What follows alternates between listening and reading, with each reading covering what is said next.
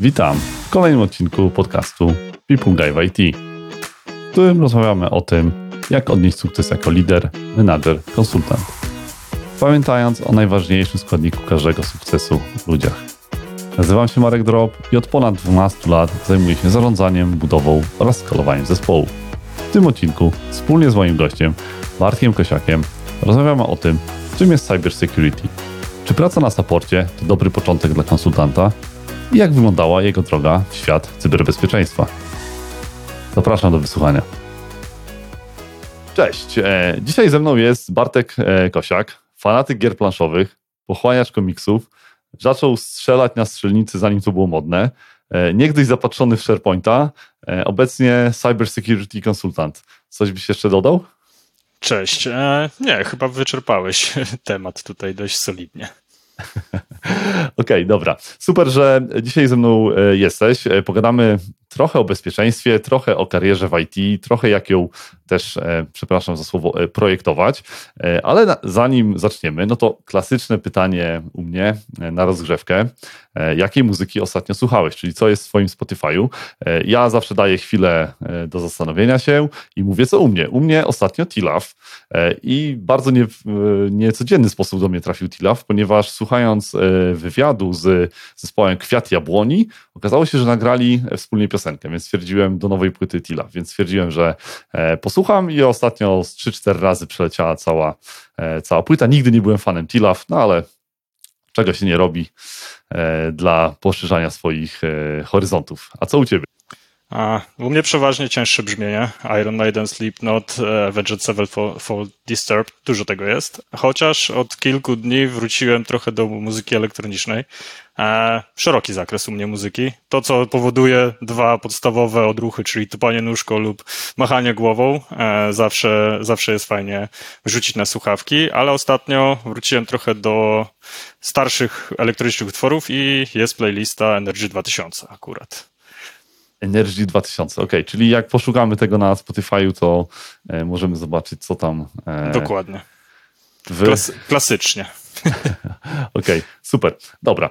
E, no to co, e, zaczynamy. E, tak jak mówiłem, dzisiaj chcę porozmawiać z Tobą o cybersecurity. Też o tym, jak w ogóle trafiłeś na to, do tego cybersecurity, bo no, droga jak każda jest, że tak powiem, nieoczywista zawsze. I jestem też ciekawy, jak ty ją widzisz retrospektywnie, tak? Czyli co się okazało e, fajne, co się e, obecnie teraz e, przydaje. Więc jakbyś mógł pokrótce, jaka była Twoja taka pierwsza poważna praca w IT szeroko rozumianym? Mm, pierwsza poważna, praktycznie świeżo po studiach. może to była moja trzecia rozmowa rekrutacyjna i trafiłem do serwis desku na pierwszą linię wsparcia okay. pracowników wewnętrznych tak naprawdę, także głównie mm, resetowanie haseł w tym przypadku, ale i rozwiązywanie najprostszych problemów, z którymi borykali się e, zwykli pracownicy w firmie, tak? Klawiatura nie działa, to była praca na słuchawce, czy? Tak, mieliśmy, mieliśmy call center po prostu, e, więc obsługiwaliśmy cały ruch, który był przekierowywany właśnie do, do nas, czyli i słuchawka, i drogą mailową, e, i główny system był również e, to wtedy od HP, ITSM, e, IT Service Manager. Także były, byliśmy podzieleni, jedni obsługiwali ruch telefoniczny, inni mailowy, i tak żeśmy się e, rotowali. Także to, był, to było takie pierwsze zderzenie się z IT już e, w formie powiedzmy tej korporacyjnej, tak? Okej, okay, dobra. To w ogóle jest e, też ciekawe, że mm, dużo osób zaczyna od helpdesku, jakby ta pierwsza przygoda z, z IT i wtedy zawsze e, wszyscy chcą uciekać od pracy na słuchawce, po czym e, taki fast forward 10 lat później, siedzimy na kolu przez 8 godzin dziennie, i czujemy się jak call center, tak? Więc Dokładnie. umiejętności długiej rozmowy na, na spotkaniach jest, e, jest na pewno w cenie. Dobra, a jak w ogóle duży był to e, helpdesk, tak? To nie wiem, były dwie osoby, malutka firemka, czy... Nie, to było, było, były dwa zespoły e, w Warszawie i w Lublinie. Było nas w Lublinie, jeżeli dobrze pamiętam, 18 osób chyba i drugi taki prawie duży zespół właśnie w Warszawie, więc sporo osób, żeby obsłużyć też cały ruch, tak, codzienny, zwłaszcza, po, zwłaszcza w godzinach porannych, kiedy każdy przychodził do, do pracy i zapominał, jakie tam hasło miał ustawione, tak? Okej, okay, okej, okay. dobra. A z, z ciekawości, no to 30, tak, 6 osób, no to już na pierwszą linię wsparcia to faktycznie E, sporo w ogóle pamiętasz jakieś statystyki, jak dużo było zgłoszeń? Miałeś w ogóle do tego dostęp, czy? Tak, mieliśmy statystyki, liczyliśmy codziennie. Było napisane przez jednego z kolegów e, oprogramowanie do tego, żeby gdzieś śledzić to. E, różnie było, tak naprawdę, e, ale myślę, że dziennie mm, około 700 zgłoszeń to, to tak spokojnie było obsługiwanych. Okej, okay. no to tak, skala już naprawdę e, niezła. E, I e, jakby rozumiem, że to była pierwsza twoja styczność, takie wejście, e, wejście do IT i co było dalej? W sensie, co, co tutaj się dalej wy, wydarzyło, tak? Powiedzmy bardzo, jakby trochę znam, bo tak nie ma co ukrywać, parę lat mieliśmy ze sobą styczność, ale nie wszystkie szczegóły, więc jestem ciekawy, co się później wydarzyło, e, że e, trafiłeś na e, ścieżkę tego cybersecurity konsultanta, ale idziemy powoli rozwijamy tą opowieść. Tak, wiesz co, zawsze jak już powiedzmy opanowałem dość, dość dobrze obsługę zgłoszeń, tak, i dotykanie tych różnych problemów z użytkownikami, rozwinięcie też umiejętności miękkich, tak, bo rozmowa jednak z osobami, które siedzą gdzieś po drugiej stronie i prosi się o podanie nazwy komputera, a taki człowiek no, nie, no może nie wiedzieć, tak? E, to już było powiedzmy mm, odhaczone na mojej checkliście, e, więc chciałem pójść troszeczkę dalej, tak? Jako, że z komputerami do czynienia miałem uu, od bardzo dawna. Tak naprawdę złożenie samemu komputera w wieku 13 lat, zainstalowanie tam Windowsa 9.8, no to już był wyczyn, powiedzmy. E, więc chciałem kierować się na drugą linię wsparcia, tak? Tu mówimy teraz o, o Service Desku, który jest tą pierwszą linią wsparcia w organizacji i kolejne IT-lowemu, tak? Bo już wtedy też poznałem IT-la, e, wiedziałem, co może mnie czekać dalej. E, chciałem wstrzelić się już w drugą linię wsparcia, użytkownika konkretnie, tak? Czyli być okay, tą osobą, application która... support, tak? W sensie z punktu widzenia, tam jakby też można różnie w różnych kierunkach się rozwijać. Tak, Tutaj rozumiem, że chodziło o application support, tak? Akurat Proszę, wtedy chciałem przejść na takie wsparcie lokalne, czyli być tą osobą, która by podeszła, naprawiła coś już bezpośrednio w biurze, tak? Eee, ale troszeczkę się to zmieniło eee, i trafiłem właśnie na wsparcie na drugiej linii, ale właśnie aplikacyjnej, czyli SharePointa. Okej, okay, tak, tak. Ten, ten SharePoint, z którym mi się przez długi czas kojarzyłeś, tak? Czyli byłeś tak, gościem od SharePointa. Najdłu, najdłużej w sumie chyba, e, jeżeli chodzi o, o moją ścieżkę kariery, to najdłużej spędziłem z, z SharePointem właśnie.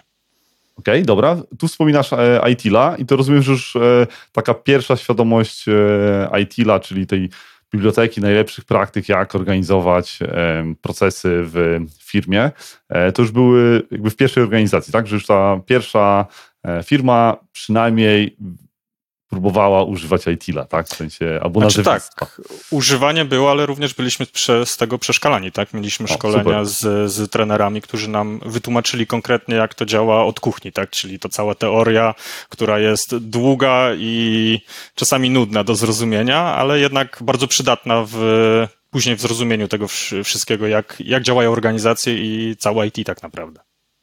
Okej, okay, dobra. I tu rozumiem, że dalej to było też e, rozwinięcie już na drugiej e, linii. Tu w ogóle bardzo ważne do zaznaczenia jest to, że e, w ogóle świadomość tego, jak w dużej organizacji, w sensie jeżeli pracujemy na saporcie, też pytałem dlaczego, jak duża była ta, ta firma, jest różnica takiej praca na saporcie w dwuosobowym zespole e, versus to, jak pracujemy w dużej organizacji, gdzie już się pojawiają, można powiedzieć, takie procesy e, enterprise czy korporacyjne, jakbyśmy je naz e, nie nazwali, to w dobrym znaczeniu tego słowa, no bo one też nam pozwalają zrozumieć, jak działa organizacja po prostu, tak? W sensie to jest też bardzo fajne, że na tym początku naszej kariery często nieświadomie uczymy się tego, co nam później się bardzo e, przydaje. Tak? W sensie, ja mam, pamiętam, jak zaczynałem pracę jako programista, ja może to już nie był sam początek, ale jednym z moich prac było kustomizowanie systemu ITSM ja kompletnie nie wiedziałem, czym się różni incydent od problemu wtedy, tak? Jakby to było dla mnie, kazali kustomizować, to customizowałem po prostu, tak? To formularz zmieniałem e, i dopiero z biegiem czasu nauczyłem się e, tego, co to znaczy i zawsze się śmiałem, że bym był dużo lepszym programistą tego systemu, gdybym e, tą wiedzę miał, tak? W sensie tą wiedzę procesową, nie tylko techniczną, tak? No bo ona bardzo by mi pomogła, no nie? Więc jakby to, to było to. I tutaj też jak patrzyłem na twoją ten, to, to był ten application support e, SharePoint i tutaj też chyba dotknąłeś pierwszy raz, jak rozumiem, tam było, gdzie się pojawiło team leader, zarządzania ludźmi, tak? W sensie to było odpowiedzialność za jakiś zespół, obszar. Trochę tak, w sensie to powiedzmy z biegiem czasu, jako już pojęcie trochę o tym e, wsparciu, tak? Tu też zderzyłem się z pracą z klientem zagranicznym, tak? Bo wcześniej to było na pierwszej linii wsparcia to to była firma polska, tak, sami polscy pracownicy. Tutaj już miałem troszeczkę większy challenge e, do tego, żeby się też przestawić i zrozumieć, jak e, klient za granicą też działa i pracuje, tak.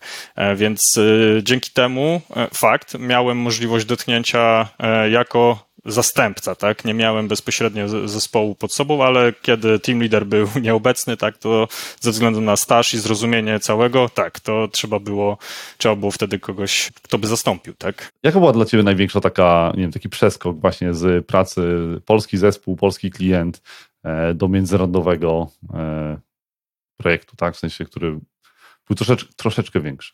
Mm, wiesz co, na pewno na, na, początku zderzenie się z językiem angielskim, mimo że myślałem, że znam dobrze angielski, bo wiadomo, jak to każdy gdzieś tam w IT grał w gry, to y, zwłaszcza gdzieś MMO, RPG, z, wszystko było po angielsku, to jednak tutaj było dość ciężko przestawić się też na mm, techniczny angielski, tak? E, więc to było takie pierwsze zderzenie. Drugie to na pewno trochę cał, inaczej zkonstruowana mm, E, organizacja, tak? Całkowicie inne wymagania, które, które narzucał klient e, w związku też z aplikacją, jako że wcześniej nie miałem mm, doświadczenia wsparcia aplikacyjnego, to gdzieś tam zbudowane było po drodze, to też e, zrozumienie tego, jak ten biznes działa i czego wymaga, tak? Od, od zespołu wsparcia, by no wszystko działało i też ich użytkownicy byli zadowoleni. A jakiś taki przykład? W sensie, co się, wiesz, okazało, co, co cię zaskoczyło, taki, nie wiem. E, wiesz co, był jeden użytkownik biznesowy, który dość mocno nas e, męczył, że tak powiem. E, wystarczyłoby, żeby tylko delikatnie coś nie działało e, i mieliśmy po prostu dwa, trzy maile, zaraz były telefony się odzywały, mimo że to nie był krytyczny incydent, tak? Portal na SharePointie działał, e, ale na przykład pojawiał się błąd, tak? No to tu pamiętam e, szybki kontakt z kolegami z zespołu z trzeciej linii wsparcia, którzy zajmowali się już tam kodowaniem. E, szybki fix, czyli zmiany koloru errora z czerwonego na tło, tak żeby nie było go widać, tak? Więc tu był szybki fix na produkcji, tak, do, do, do zrobienia, co też powiedzmy udało nam się uspokoić trochę e, użytkownika, który to zgłaszał, tak? Ale byli po prostu... Mm. Rozumiem, że proces tutaj change'a był lekko nagięty.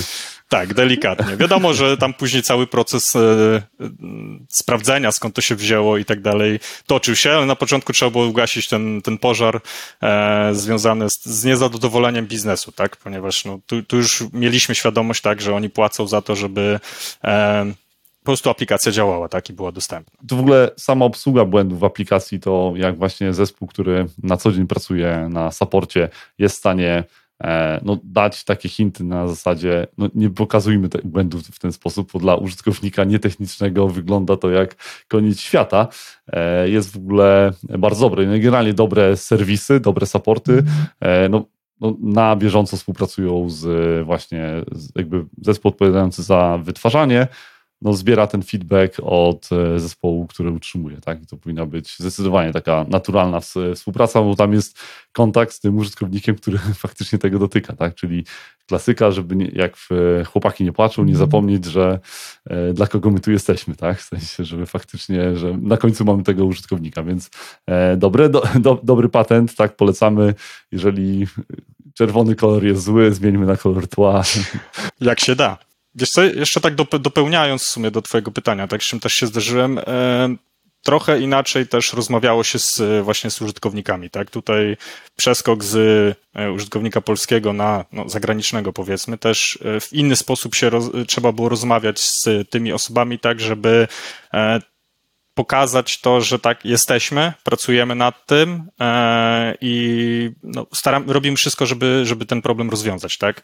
E, więc to też było coś, czego trzeba było się w miarę szybko nauczyć, bo wiadomo, jak się powie, że się nie da, albo e, nie wiemy, jak to zrobić, może to wywołać no, dość poważny pożar i eskalację, mimo że nasze intencje są dobre, tak, że y, no, na razie nie wiemy, ale pracujemy, więc tutaj też trzeba było mm, troszeczkę się nauczyć tego, jak... Dyplomacji. Jak z, tak. tak. tej dyplomacji, o dokładnie tego słowa mi brakowało. Okay. Dobra, no i tutaj też jest na pewno duża różnica, bo to, co mówiłeś do ciebie, e, na początku trafiały te proste zadania, tak, czyli dobrze udokumentowane, e, zmiana, e, restart hasła, nie wiem, jakiś dostęp, który jest, e, nie wiem, przydzielany automatycznie, tak, ale... Myszka mi nie działa. Tak, tak, tego typu rzeczy, jak zamówić e, klawiaturę e, i te sprawy. No tutaj już najczęściej trafiają bardziej biznesowe procesy, tak? W sensie to są już jakieś rzeczy, które no prawdopodobnie to jeden to jest dostęp, ale te dostępy raczej się nie załatwia na poziomie drugiej linii wsparcia, tylko już e, mogło to być właśnie nawet zagadnienia takie no, ty, no, typowo odnośnie biznesu klienta, tak? W sensie, że trzeba troszeczkę zrozumieć też tą e, sytuację, tak? Do co klient e, chce osiągnąć i domyślam się, że niektóre procesy, które były na SharePointie, no mogły być e, też ważniejsze od innych, no nie? W sensie, czy procesy finansowe, czy na przykład obsługa, przyjmijmy jakichś zamówień, tak? No to zawsze bardzo zależy i ta znajomość tego, co my de facto obsługujemy i czy, czy to znaczy, że nie wiem, fabryka stanęła, tak? Przez to, że e, coś u nas nie działa i po prostu e, musimy tutaj pomóc. Ok? E, a jak duży był zespół? W sensie, przy, jak to była taka skala dla Ciebie? Zmiana wielkości zespołu była dla Ciebie duża? W sensie przy tej zmianie, czy to już było Wiesz co, jeżeli chodzi o cały zespół, to była zmiana razy dwa, tak? E, z tego względu, że jak dobrze wiesz, siedziało nas tam 28 osób, tak, na Open Space, jednakże byliśmy podzieleni, tak, każdy, każdy wspierał oddzielną aplikację SharePointową, tak, więc tu zmiana na pewno na dużo większy zespół.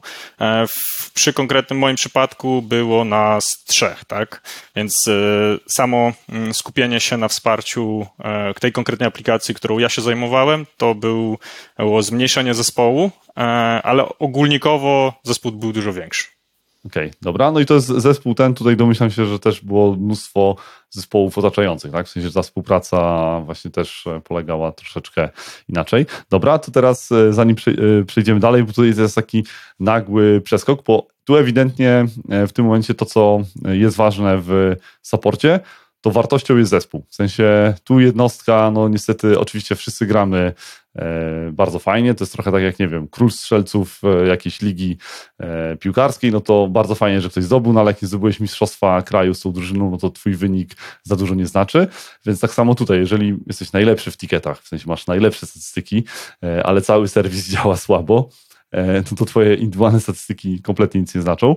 Więc tu jest bardzo duży nacisk na tą pracę zespołową, tak? W sensie, że e, procesy, procesy, jeszcze raz procesy, no i to, jak my jesteśmy widziani jako zespół. No i kolejnym krokiem jest taki przeskok e, jednak w kierunku konsultanta, tak? W sensie indywidual kontrybutora, tak? No bo jakby twoim kolejnym krokiem było z, zmiana z tego właśnie pracy na saporcie na zmianę bliżej projektów, jak rozumiem.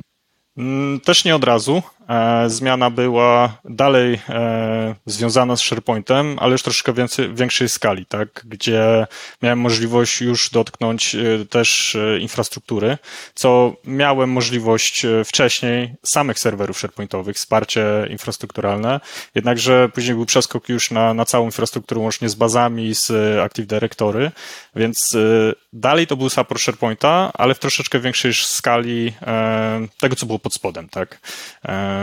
I po pół roku, jeżeli dobrze pamiętam, e, dostałem po prostu propozycję do tego, aby spróbować swoich sił w konsultingu, tak, e, żeby zajmować się e, projektem, a nie supportem. Stwierdziłem, że czemu nie, tak? Jest to też, postrzegałem to jako krok do przodu, do robienia czegoś nowego i żeby można było wykorzystać również mm, doświadczenie i, i, i wiedzę którą gdzieś zgarnąłem po drodze e, przez pierwszą i drugą linię wsparcia, tak. Okej, okay. i to, był, e, to było już, w sensie dostałeś to w ramach tej samej firmy, to było w Prydicach, rozumiem, tak? tak? W sensie dokładnie. Dostałeś taką propozycję i to moim zdaniem jest kolejny raz genialny przykład, bo tak jak opowiadaliśmy sobie przez całą tą twoją historię, że dostałeś propozycję pracy na stanowisku, na który prawdopodobnie ciężko byłoby ci się zrekrutować z zewnątrz. W sensie, po cała twoja historia to był support, więc jakby tak. ktoś patrzy na twoje CV, nie, no jak on konsultant, jak on przecież na saporcie tylko pracuje, no nie? Więc jakby ten, ale wewnętrznie jest, mamy szansę e, spróbować e, rzeczy, których normalnie nikt by nas nie zrekrutował. Ja to jakby wiele razy powtarzam, że taka rekrutacja wewnętrzna to super pomysł na taki upskill, e, no parę leveli do góry w bardzo krótkim czasie. Tak, zgadzam się, bo w tym momencie ja też patrzę troszeczkę z, z tej strony e, bocznej, tak, nie tylko od strony konsultanta, to mm, zgadzam się z tym, że jednak wewnętrznie jest dużo łatwiej, bo e, wiemy na co stać daną osobę e, i możemy ją po prostu wrzucić do takiego e, dołka nowego e, i wiemy, że ona sobie poradzi, tak, bo wiemy jak, z jakimi wcześniej problemami czy challenge'ami na, na tym saporcie, tak, czy na innym projekcie e, sobie radziła co daje możliwość y, po prostu popchnięcia tych tematów w nowym zakresie, tak? Znaczy, tu oczywiście to wymaga dużo od samej organizacji, od osoby, od menadżera, z którym współpracuje, no bo często można wpaść, być zaszufladkowany. Mhm. No to jest go, e, właśnie tak jak ja zaszufladkowałem ciebie, człowiek od SharePointa, tak? W sensie zapamiętałem gdzieś ta e, wiesz, łatka na tym. Tu pozdrawiamy kolegę, który powiedział, że skasuje sobie z CV SharePointa, żeby już nikt nigdy mu nie, nie proponował pracy przy SharePoincie. Więc, e, Ale ja zrobiłem to samo, wiesz? A, tak? Okej. Okay. Także nie. To jakby tutaj w świecie SharePointa, jakby tutaj często pada ta nazwa, no nie, nie wiem, w sumie nie na podcaście, więc tak, ale tak. No, no dobra, to już znam dwie osoby, które skasowały sobie SharePointa z CV, żeby nie dostawać propozycji pracy przy SharePoincie. E, ale to, dobra? żeby nie było, to nie jest tak, że to jest e, słabe rozwiązanie i trzeba się powstrzymać z tego z daleka, tak? To jest bardzo fajne rozwiązanie, już naprawdę dobrze dopracowane, no ale jednak jeżeli ktoś się kieruje w całkiem inną stronę, no to e, może nie chce wracać albo po prostu już e, jest ukierunkowany w całkowicie innym, innym kierunku rozwoju, tak? No, to, to, też jest taki element dostawania tych y, propozycji, tak? No, jakby no nie chcemy być rozpatrywani i mówię, mówienia ludziom, nie, nie chcę tego robić na przykład, no nie? W sensie to też jest e, tego, tego typu rzecz. E, dobra, to z mojej perspektywy to jest, wiesz, o, ogromna zmiana, no nie? W sensie przejście z takiego doświadczenia typowo e, supportowego, nawet jeżeli w ramach supportu robiliśmy projekty, tak? No bo często na, jakby jedno to jest support, taka praca na kolejce zgłoszeń, tego typu ten, ale też mamy tam jakieś, można to nazwać projekty, tak? Czyli rzeczy, które wdrażamy, pomagamy, jesteśmy częścią zespołu, który realizuje jakąś zmianę, no to jednak zmiana taka, że e, już teraz nie mam się za bardzo jak schować za zespołem, w sensie E, tak jeden tydzień moich gorszych statystyk generalnie przy dużym teamie, no nikt się nie zorientuje, no nie? W sensie bardziej chodzi o to, żebyśmy jako e, overall trzymali poziom. No to jak dla ciebie ta zmiana? Przecież w ogóle zauważyłeś coś, czy to było na zasadzie, o nie zorientowałem się, jestem sam na projekcie, wysłali mnie do klienta? Nie, akurat Trafiłem na pierwszy projekt, gdzie nie byłem sam, tak? E, było, okay. było trzy lub cztery osoby. Miałem bardzo duże wsparcie od nowego e, team leadera, tak? Bo to też wiązało się z tym, że zmieniałem zespół e, i było to wsparcie. Oczywiście każdy zajmował się gdzieś swoją działką konkretną w projekcie, ale jednak dalej to był zespół, tak? To nie była praca okay. indywidualna okay, dobra. A jakieś w ogóle takie pierwsza e, rzecz, która ci przychodzi, e, co ciebie zaskoczyło, tak? W sensie w tej zmianie, tak? W sensie jak, jakie, jaką różnicę zauważyłeś? E, wiesz co, na pewno pisanie dokumentacji.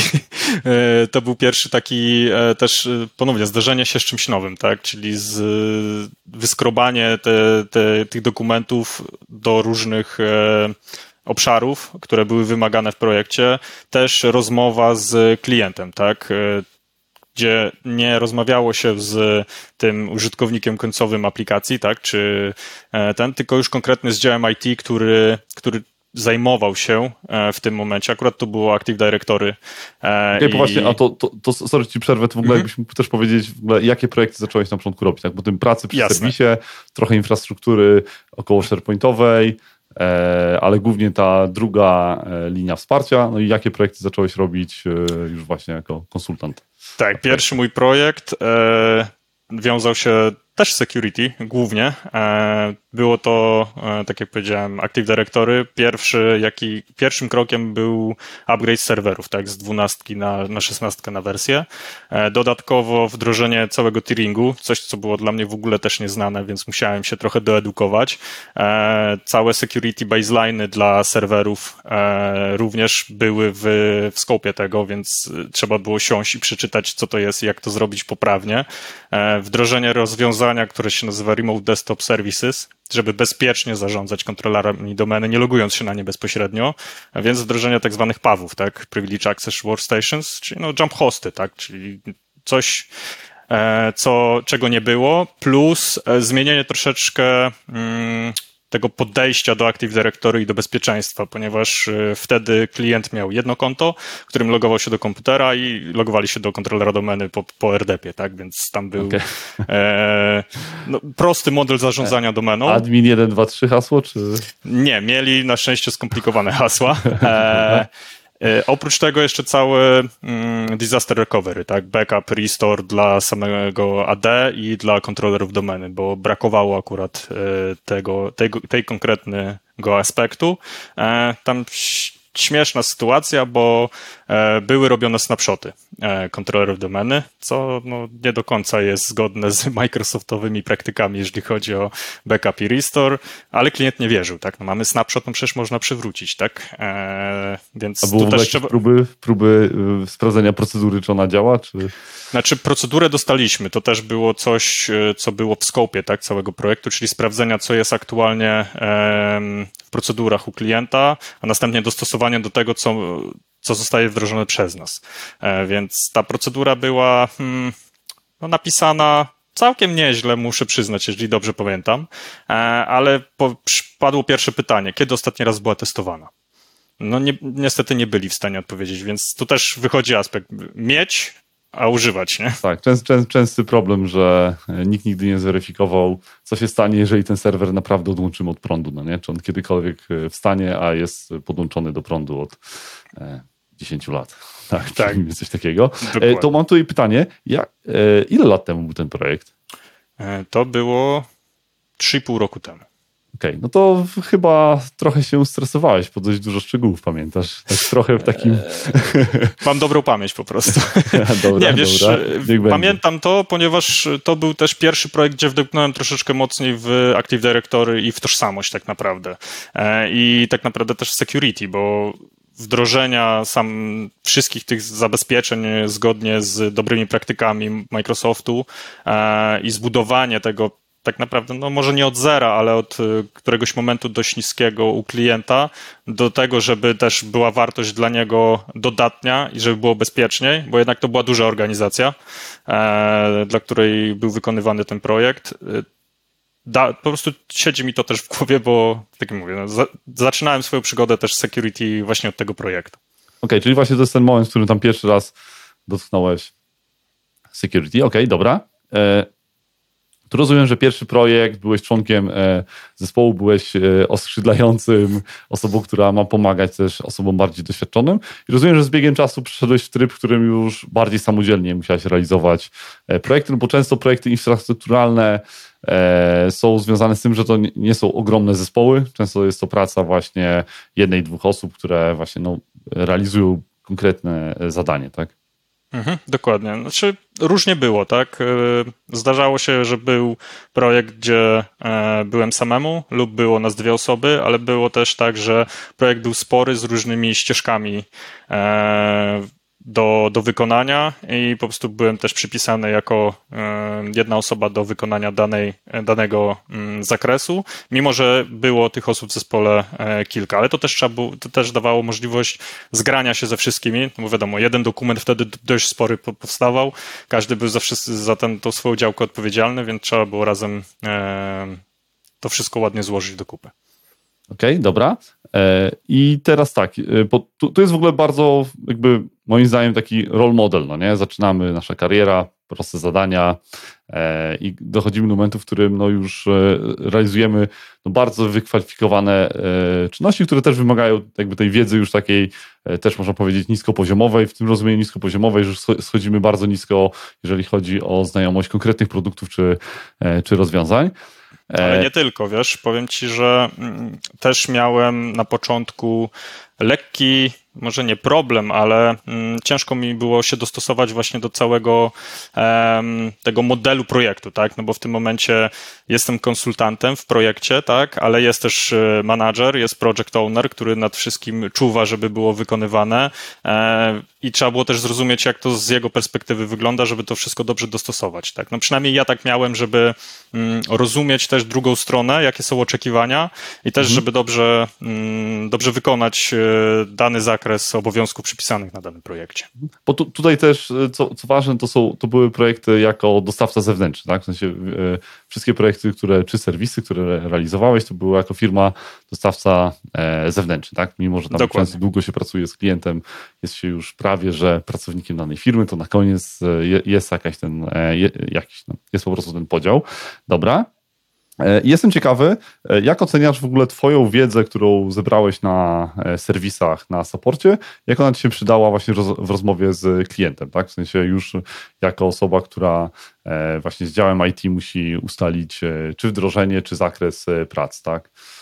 Mm, wiesz co, zawsze to jest tak, że jak było się po tej drugiej stronie, czyli powiedzmy wspierało się aplikację, tak, ta druga linia wsparcia, czy wspierało się infrastrukturę lub produkt, jest się teraz e, jako konsultant, który mm, będzie wzmacniał tak, bezpieczeństwo akurat w tym przypadku danego produktu czy infrastruktury, to jest to zrozumienie tej drugiej strony, e, żeby też dostosować swoje. Mm, swoją wiedzę i swoje umiejętności do tego, żeby łatwiej się współpracowało, tak? Bo nie powinno być, jeżeli by tego nie było, to by było na zasadzie, że przychodzimy, robimy coś, oddajemy dokumentację e, i dziękuję, tak?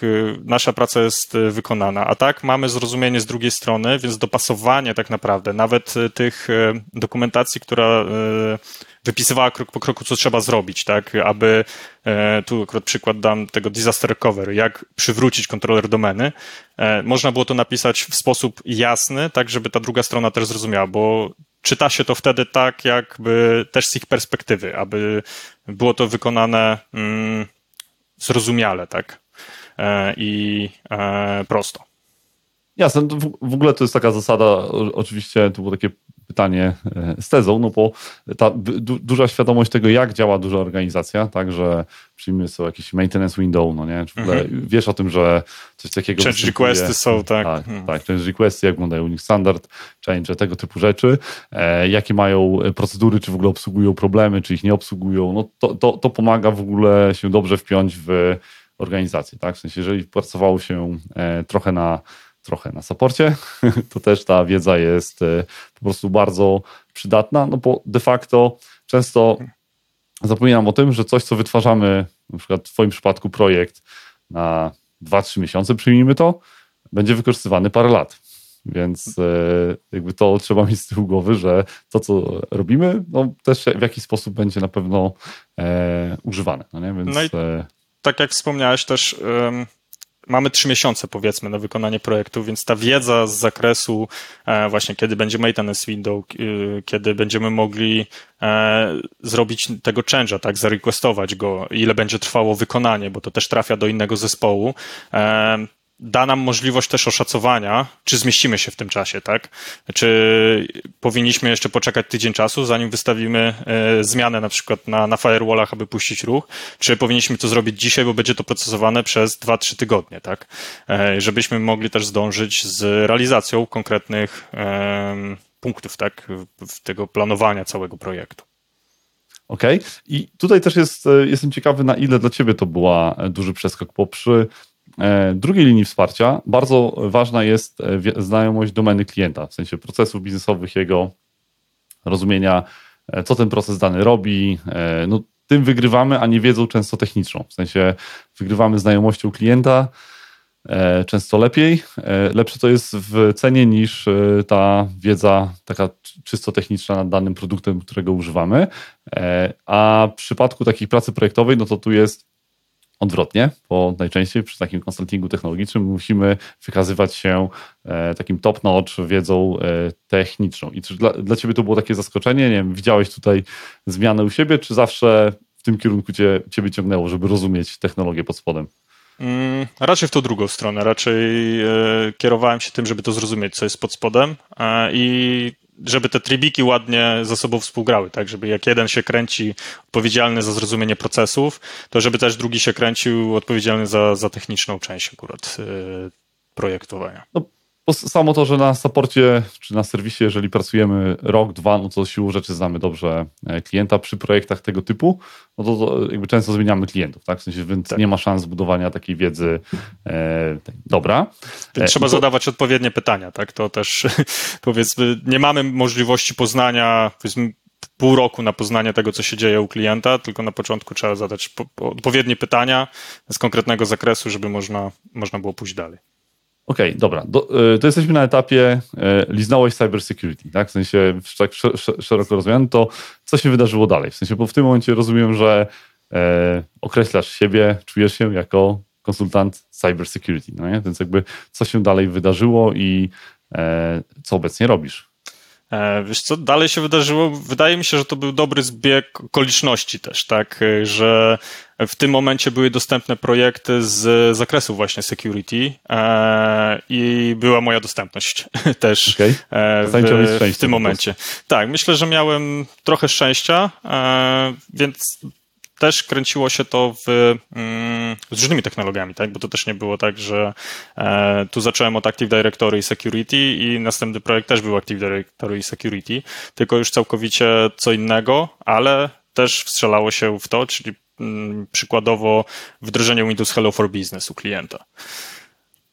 Mm, czy też... E, Jakbyś wytłumaczył, czym jest Windows Hello?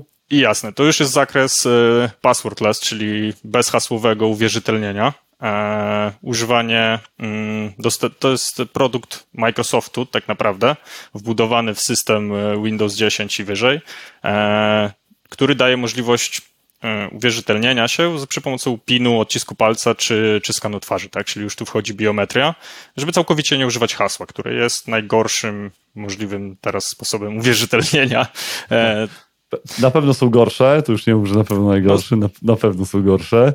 E, śmieję się oczywiście. Dobra, a jakie są wyzwania na przykład przy wdrożeniu e, no, tego typu rozwiązania, tak? No bo tutaj poza technologią wyobrażam sobie, że są też wyzwania natury przyzwyczajeń użytkownika. Tak, dokładnie. Tu już wchodzi właśnie ten aspekt, że to będzie wykorzystywane przez użytkownika końcowego, który do tej pory przez x, naście, 10 lat używał loginu i hasła do zalogowania się do komputera, żeby sprawdzić skrzynkę, żeby móc pracować. Więc e, cały proces e, komunikacji, która musiała zostać przygotowana wraz z zespołem IT, e, musiał być dokładnie mm, wykonany. Wiadomo, że na początku to jest proof of concept, tak, POC i mm, tą grupą pierwszą, która jest e, e, tymi królikami doświadczalnymi przy, przy tego typu rozwiązaniach, jest zawsze IT. Osoby, które jednak mają styczność z technologią e, i trochę łatwiej im będzie mm, przyzwyczaić się do tego.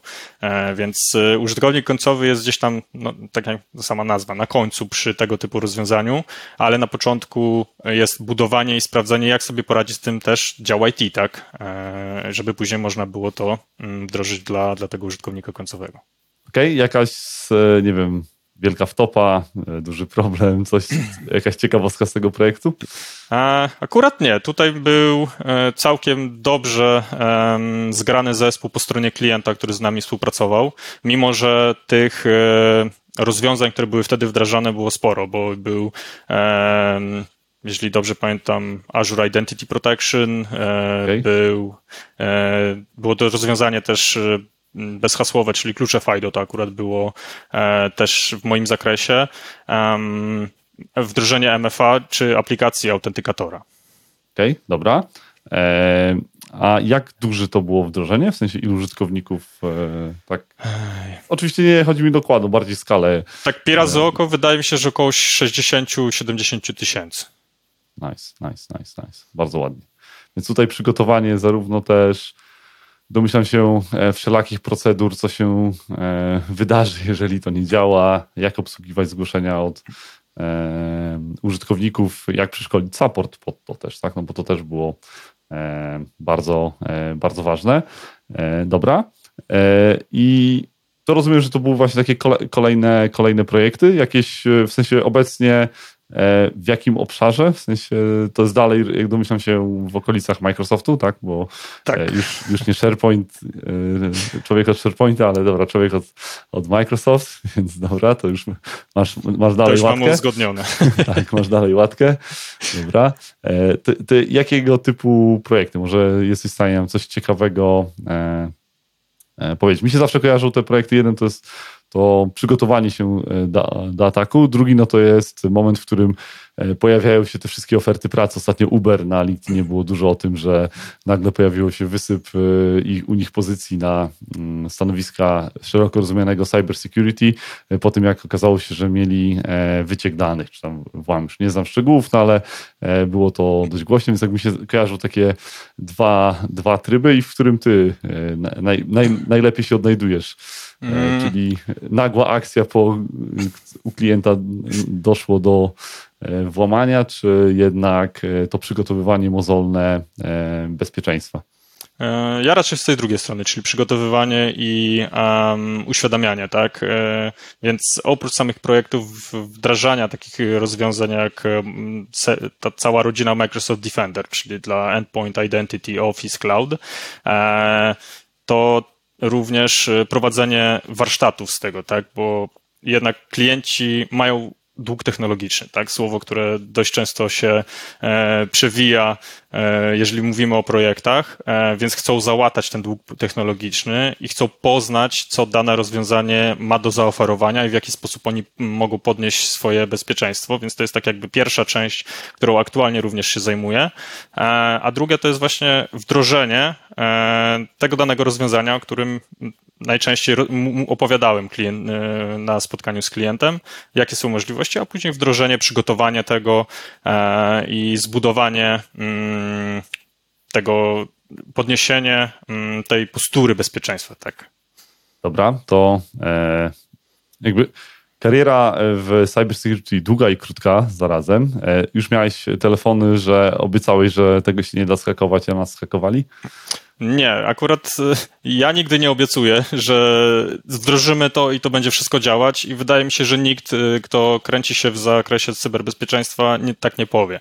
Tutaj, jeżeli chodzi o mm, bezpieczeństwo, tak, IT, to jest coś, co cały czas ewoluuje. To nie jest tak, że mamy checkbox, y, musimy coś zabezpieczyć, odskaczyliśmy daną pozycję i jest fajnie, wszystko, e, będziemy bezpieczni. Akurat tak nie działa i e, nie da się obiecać, że wdrożymy to i będzie wszystko, wszystko zabezpieczone, zamek, wiesz, zbudowaliśmy mury, postawiliśmy łuczników, e, katapulty na murach i jest wszystko ok. Okej, okay, no takie przeświadczenie, że jesteśmy bezpieczni, no to tak, no, świadome osoby wiedzą, że jest to nieustanny wyścig.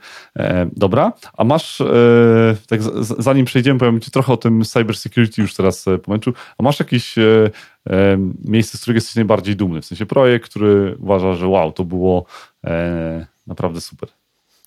Wiesz co, Mam taki i to w sumie byłby mój pierwszy projekt tak naprawdę, e, bo dzięki niemu też e, rozwinąłem się e, w tą konkretną stronę i dało mi to też lekkiego kopa do tego, aby poznać to, co jest dookoła jeszcze. Nie, nie tylko samo AD, ale jakie inne produkty e, daje sam Microsoft, jeżeli chodzi o zabezpieczenia systemów IT, ale też zrozumienie tego wszystkiego, co, co się dzieje dookoła, tak? No bo tu jednak, e, tak jak pytałeś wcześniej, czy atakowanie, czy bronienie infrastruktury to są dwie części, które ze sobą muszą współgrać. Wiadomo, ja się odnajduję trochę bardziej w tej drugiej, ale zrozumienie tej pierwszej strony i tego, jak działają ataki. Tu wspomniałeś wcześniej e, o Uberze. Tu zadziałał bardzo mocno social engineering, e, który odgrywa w tym momencie najistotniejszą rolę, e, jeżeli chodzi o obronę, bo jest narażeni są tak naprawdę wszyscy w tym momencie w danej organizacji i obrona tego, zrozumienie, jak takie ataki mogą być przeprowadzone,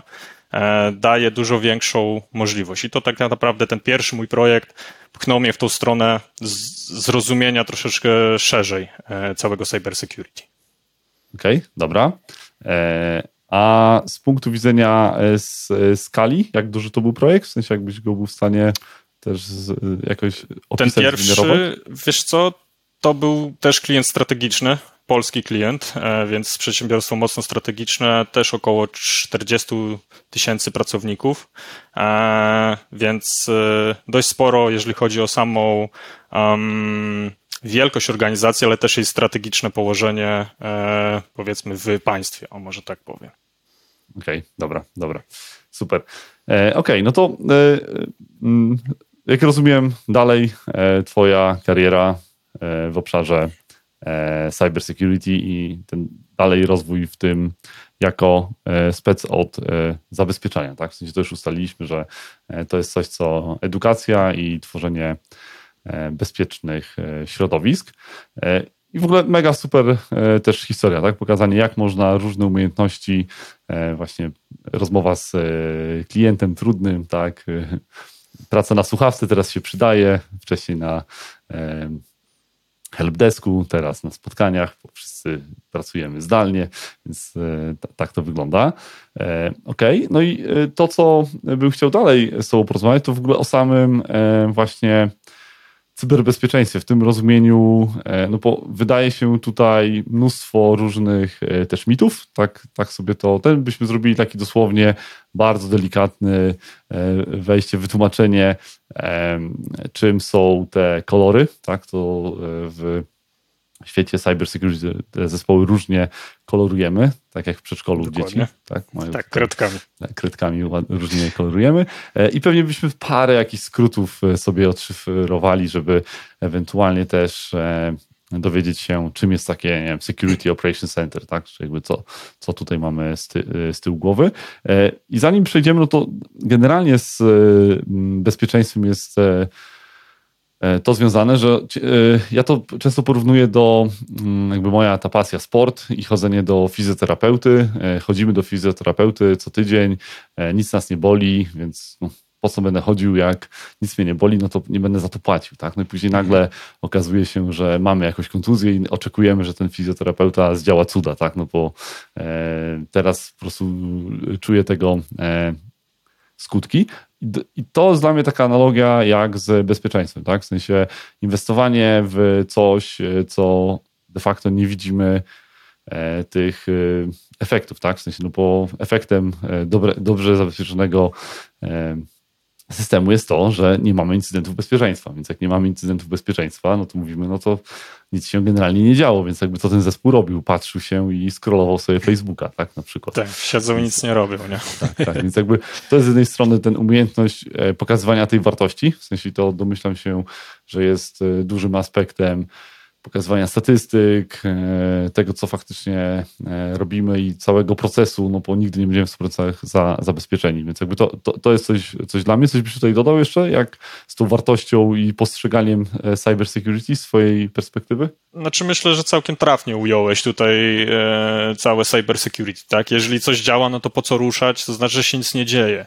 Tyle, że e, brak jest świadomości, powiedzmy, na poziomie biznesowym e, tego, że jak coś działa, to nie znaczy, że jest wszystko w porządku, ponieważ samo, samo cyber security, tak jak wcześniej wspomniałem, dość mocno ewoluuje, tak? A na, I to nie jest tak, że e, haker siedzi sobie w piwnicy, wiesz, ma komputer, klika tam w klawisze, leci Matrix po ekranie e, i nagle jest w, ten, w sieci i sobie wykrada dane, tak? Jak to widzimy na filmach. Tu całkowicie na, jest... Na filmach to taki, e, ten muszę, ten ja uwielbiam ten motyw e, i to... CSI. Nie do, do, nie, do wszystkich scenarzystów. Jakby mój komputer nie wydaje dźwięków. Jakby to jest tak, że jak widzę, że komputer, który cokolwiek oblicza, cokolwiek się na nim dzieje i on wydaje dźwięki, to ja, jakby to nie są moje lata, nie wiem kiedy komputery wydawały dźwięki, ale to w starych filmach, w nowych filmach komputer musi wydawać dźwięk.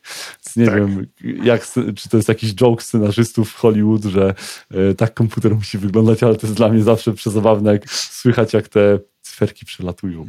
Tak, dokładnie. No, to to jest po prostu hollywoodzki gdzieś tam, tak jak z wybuchami, tak? tak? tak, tak Wystarczy lekko kopnąć samochód i zaraz wybuchnie. E, tak, tak, tak, tak. więc teraz tak jak naprawdę zrozumienie mm, tego cybersecurity, no, tak jak mówię, to nie jest ktoś, kto sobie siedzi gdzieś z boku, to wszystko dzieje się tak naprawdę od wewnątrz. Celem atakującego jest zdobycie e, dostępu do środowiska, ale to nie jest tak, że wejdzie, zabierze i wyjdzie.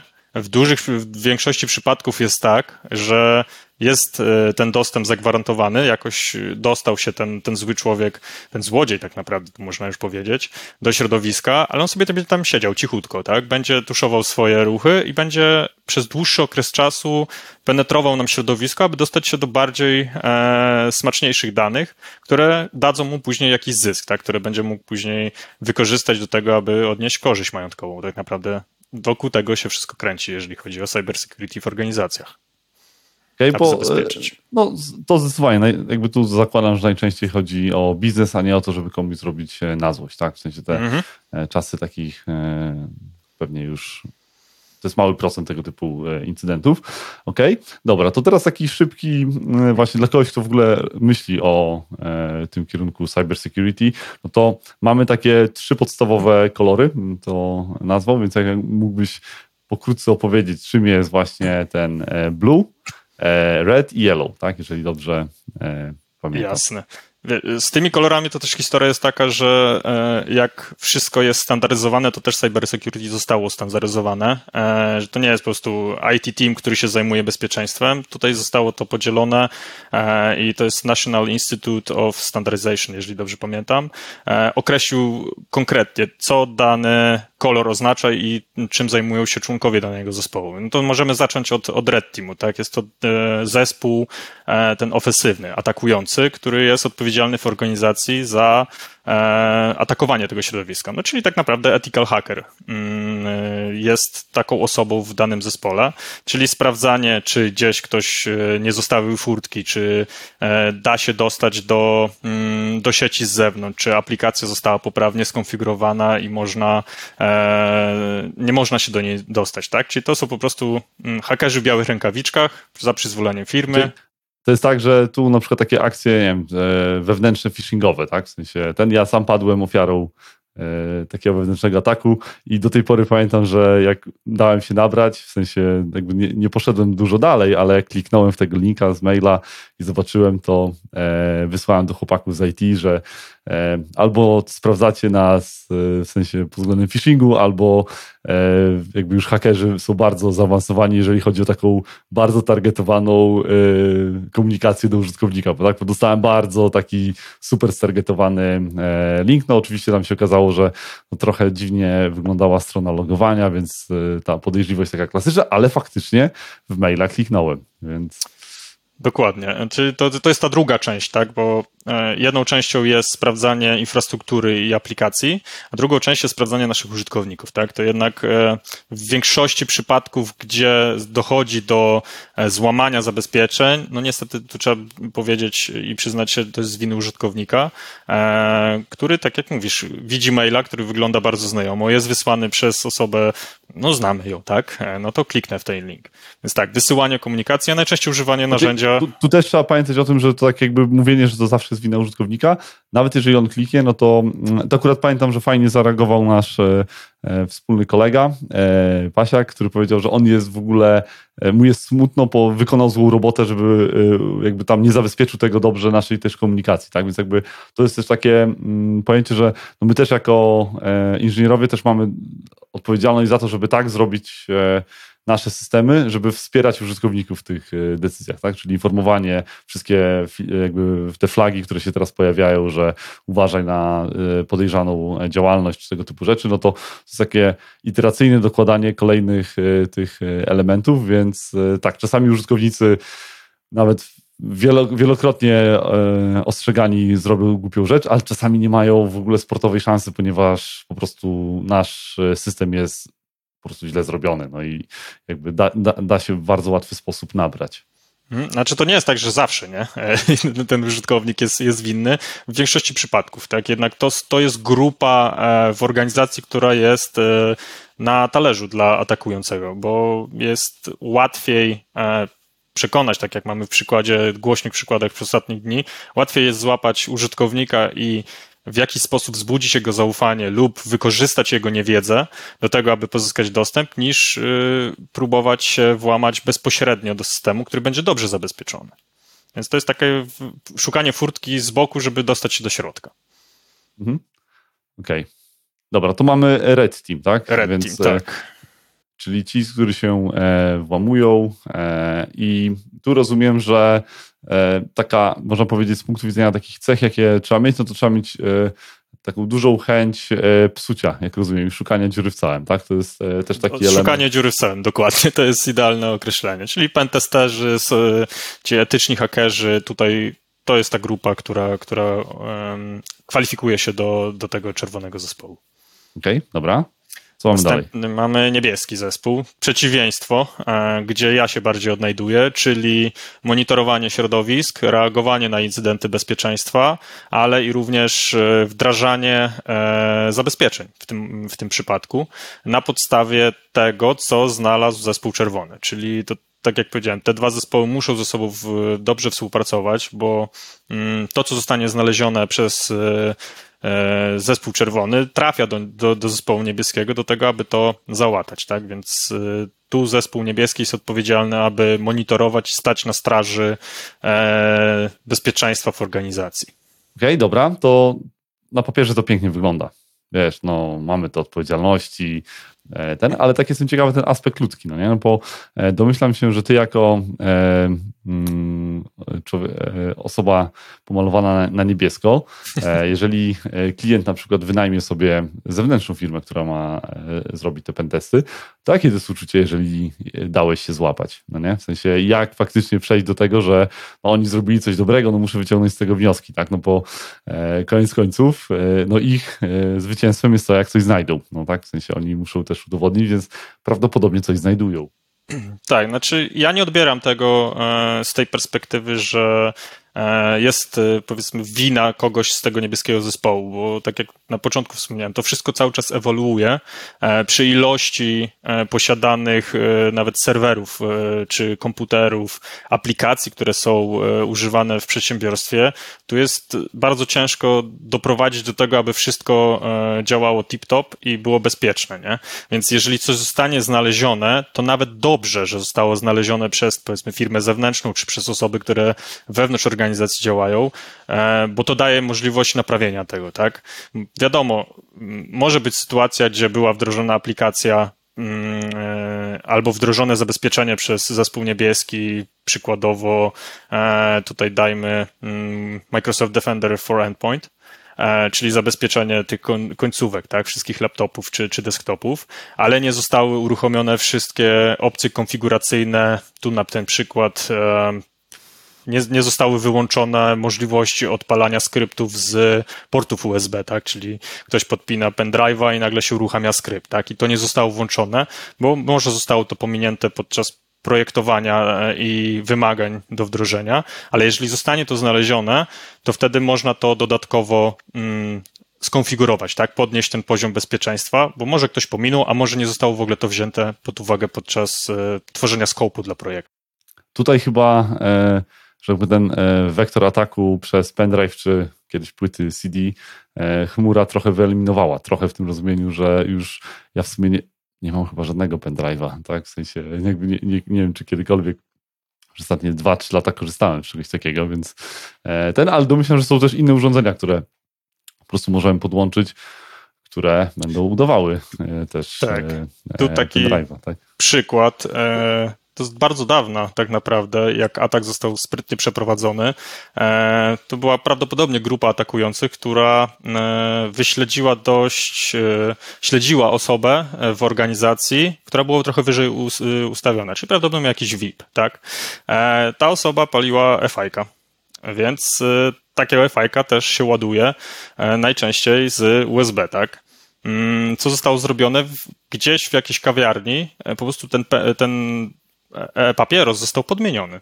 Ale w środku już były wlutowane odpowiednie urządzenia do penetracji, nawet kawałek pamięci i tak dalej. E, no i ten e, człowiek, który został ofiarą w tym momencie, nieświadomie chciał sobie go po prostu podładować, używając służbowego laptopa, czym przyczynił się do e, rozpoczęcia ataku, tak? E, został nadany dostęp, odpalony jakiś skrypt, ściągnięte dane i tak dalej, i tak dalej. Więc e, tutaj, tak, zostało to wyeliminowane z tego względu, że, no, tak jak mówisz, pendrive'a to się teraz używa, uff, już nawet nie wiem w jakim przypadku, chyba, że system przeinstalowujesz, żeby sobie obraz wgrać. Mm, jak masz prywatny komputer, tak? Tutaj nie mówię o przedsiębiorstwie, bo służbowo, no to teraz wszystko siedzi w cloudzie, tak? Mamy, mamy sobie to wrzucone i dostęp też ze swojego jakiegoś drive'a.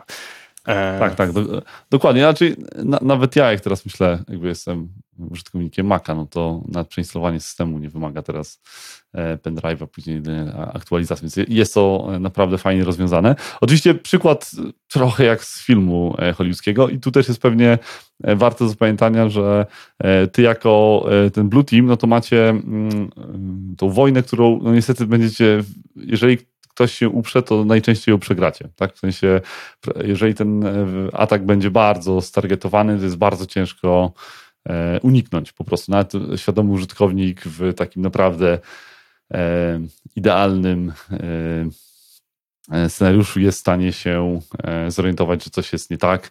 Nie wiem, u mnie zegarek Garmina zobaczyłbym, że jest rozładowany, to bym podłączył go do ładowania, to może już nie jest zegarek Garmina mój, no nie? Więc jakby jeżeli przy dobrym e, znajomości użytkownika ten czynnik ludzki jest, jest ten, no ale tu rozumiem, że też jest taka chęć walki, dużo też narzędzi związanych z obsługą, bo też jest ten chyba trend w, tak jak ja rozumiem, w Blue Teamie, w Defenders, że e, praca nad e, no, takim prewencyjnym wyszukiwaniem e, niepokojących zdarzeń, tak? W sensie nagłe requesty z konta, które nigdy takich requestów nie wysyłało, tak? W sensie reagowanie w czasie rzeczywistym przez narzędzia, które no, człowiek nie jest w stanie tego sam monitorować, tak? Też mówimy o, też o automatach. Tak, to już w tym momencie już doszło do tego, że to AI z tyłu siedzi i analizuje cały ruch, który jest e, gdzieś w naszej sieci, tak? Czy było logowanie, czy próba e, uzyskania e, poświadczeń, e, gdzieś wyłapanie tego hasza, czy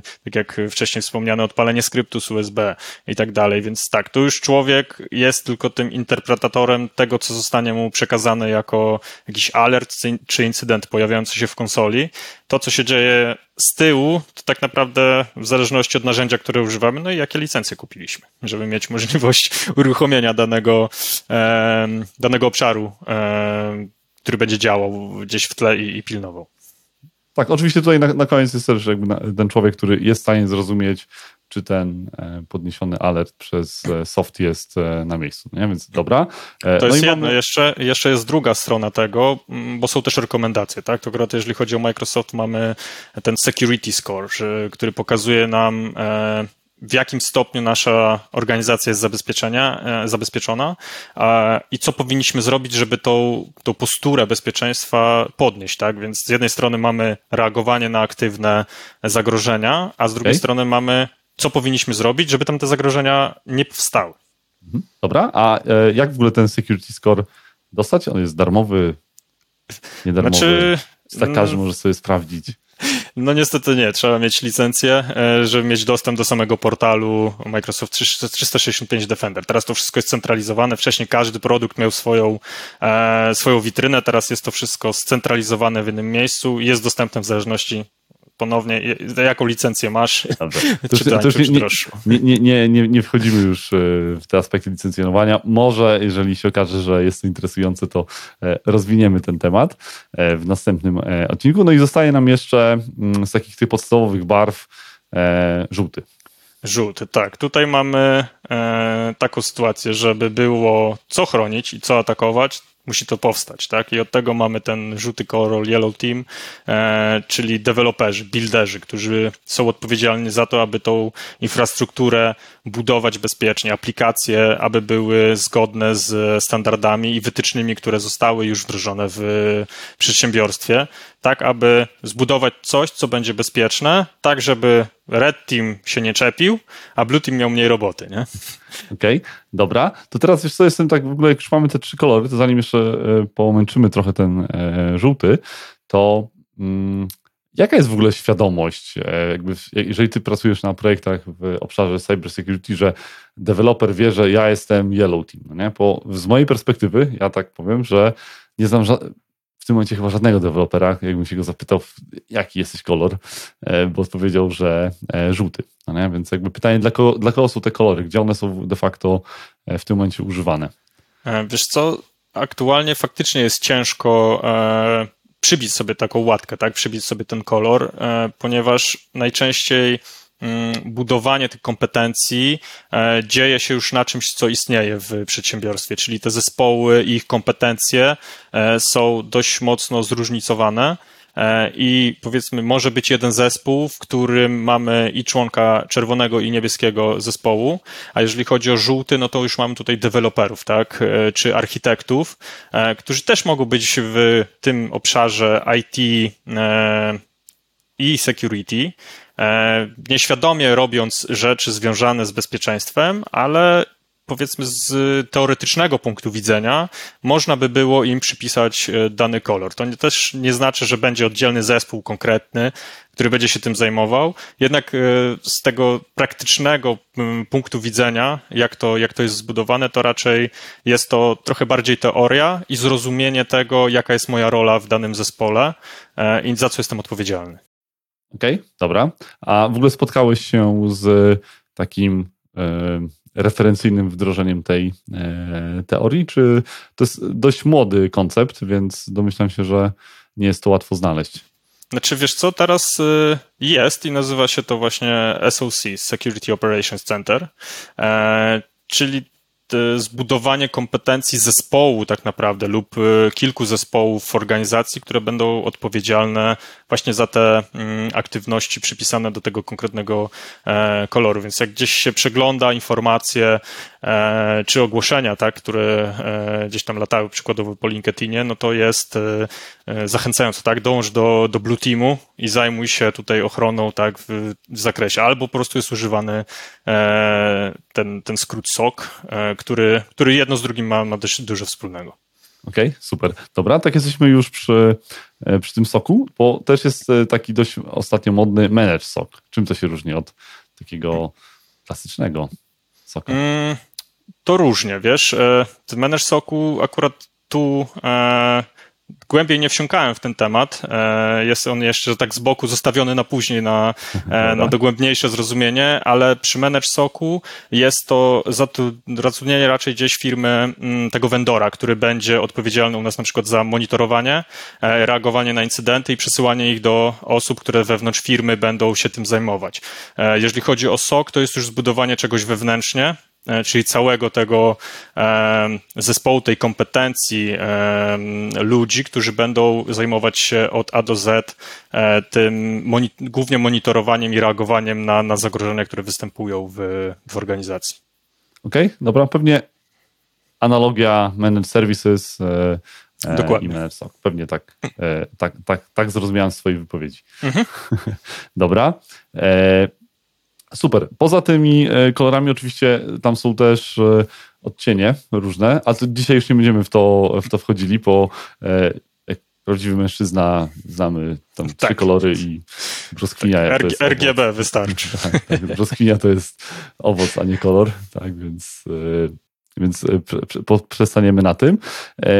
Więc tu, co ważne do zapamiętania, to faktycznie w samym cybersecurity jest y, no, mnóstwo tych odcieni. W sensie jest tak, że patrząc na to z tej perspektywy, zarówno y, możemy właśnie być tym ethical hackerem, możemy myśleć o tym, jak zabezpieczać, edukować, bo tutaj może się okazać, że e, edukacja użytkownika jest więcej warta niż wydanie mnóstwa na licencję najsuper e, lepszych software'ów, to Dokładnie. zainwestowanie tego w edukację dobrą jest e, dużo lepsze, jak to zrobić, jak komunikować, jak y, powielać. I zrobienie wiedzę, odpowiednich jak... szkoleń, bo każdy, jak też dołączasz do nowej organizacji, musisz przejść serię szkoleń, przeklikać się przez te wszystkie data protection i tak dalej. I to też jest y, w tym zakresie. Może nie bezpośrednio czerwonego y, koloru, tylko tego podrzędnego, e, ale tak, powiedzmy, jest to, jest to też bardzo ważne, tak, żeby edykować, przygotować te procedury, żeby były jasne, proste do zrozumienia i żeby jednak coś zostało e, po, po przeskoczeniu takiego szkolenia. Okej, okay, dobra. Jeszcze jedna rzecz, która e, tak już e, byśmy odeszli od, od tych zespołów. Jedna rzecz, która się kojarzy mi przynajmniej z cyberbezpieczeństwem, w ogóle z przestępczością, jakkolwiek, przepraszam, trudne słowo dla mnie dzisiaj. OSINT. Co to jest w ogóle? Tak, wiesz co, to jest zestaw narzędzi tak naprawdę e, publicznych, e, może nie tak, nie narzędzi, ale zestaw publicznych źródeł e, do pozyskiwania informacji, tak.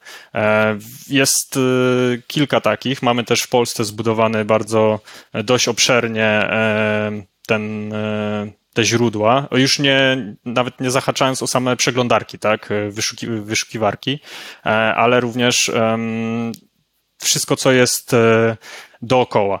Więc um, mając to, jesteśmy w stanie znaleźć dość ciekawe mm, dane e, na temat firmy, na temat osoby, na temat. E, no tak naprawdę. Tak biały wywiad, tak? Tak, tak to jest też na, dokładnie, ta, dokładnie tak. Więc e, jeżeli ktoś potrzebuje znaleźć jakichś konkretnych danych, no to raczej sięga do, te, do tych źródeł i przeczesuje sobie wszystko, co zostało publicznie mm, gdzieś umieszczone, tak?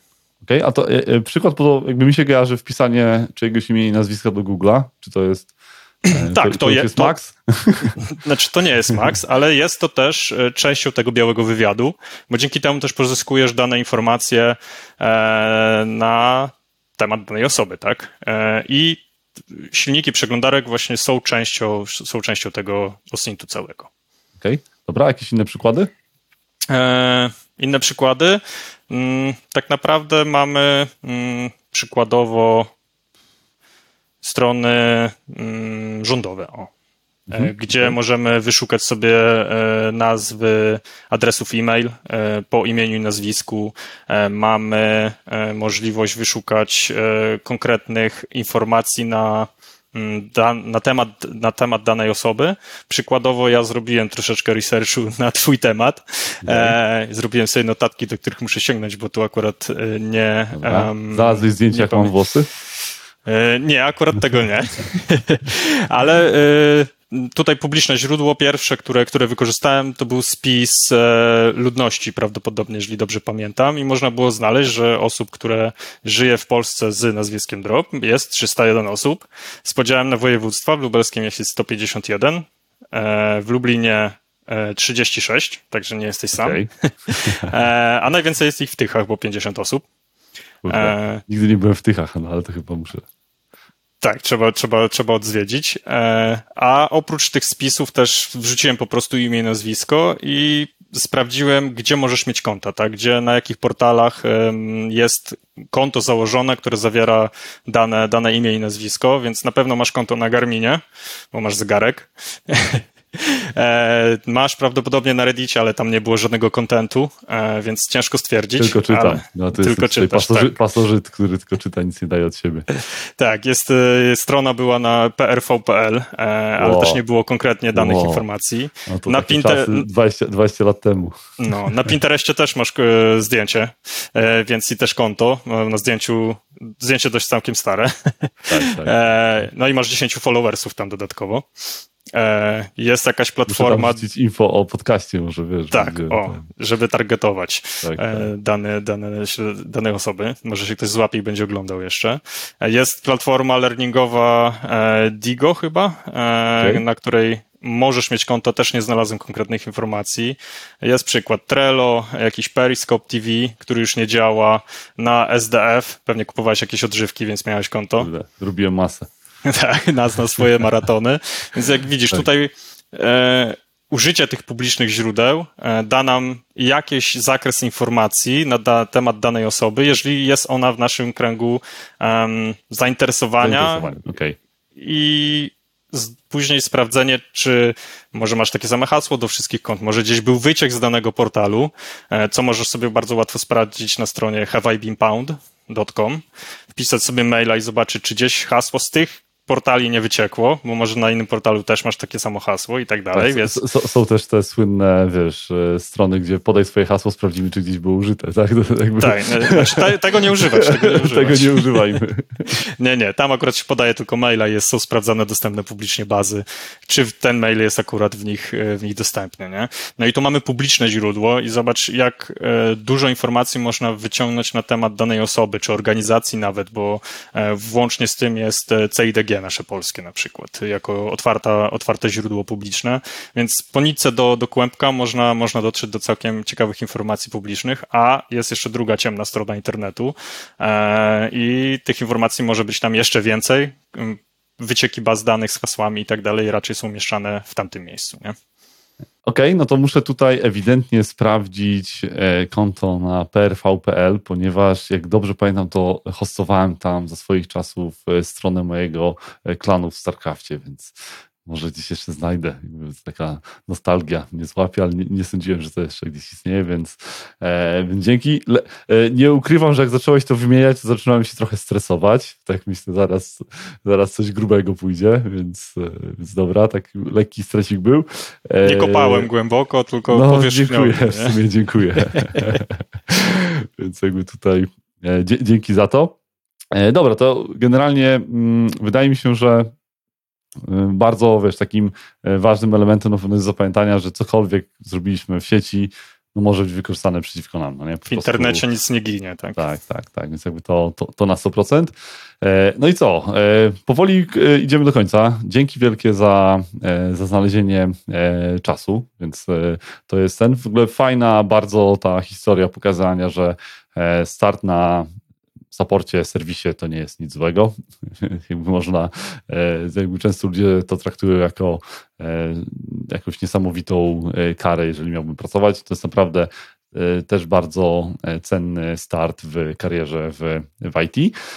Trzymam kciuki za to, żebyś się tam za często z Red Teamem nie na ustawkach nie, nie bił, no nie, bo jakby nie wiem, może są jakieś ustawki Blue Team na Red Team. Jeszcze się z takim nie spotkałem. Po, po projekcie. E, no i e, może uda się e, troszeczkę głębiej wejść, no bo dzisiaj tak bardzo się prześliznaliśmy po temacie cyberbezpieczeństwa, więc mam nadzieję, że dla osób, które są zainteresowane w ogóle tą ścieżką kariery, no, znajdą coś interesującego dla siebie. Oczywiście odsyłamy też do Bartka, jeżeli będzie chęć zgłębienia. Wiem, że lubisz się dzielić Zapraszam. community e, tak. swoją wiedzą na różnego rodzaju grupach, więc też możecie tam e, Bartka znaleźć. Super, dzięki wielkie za rozmowę. Wielkie dzięki za wysłuchanie rozmowy. Liczę, że znaleźliście tutaj dużo ciekawych informacji, szczególnie jeżeli myślicie o swojej karierze w cybersecurity. Bardzo bym prosił o polecanie podcastu jak również o subskrypcje i lajki na Spotify, YouTube czy Apple Podcast. Daje mi to możliwość dotarcia do większej ilości osób, a Wam również bycie na bieżąco z kolejnymi odcinkami. Jeszcze raz wielkie dzięki i do usłyszenia w kolejnym odcinku.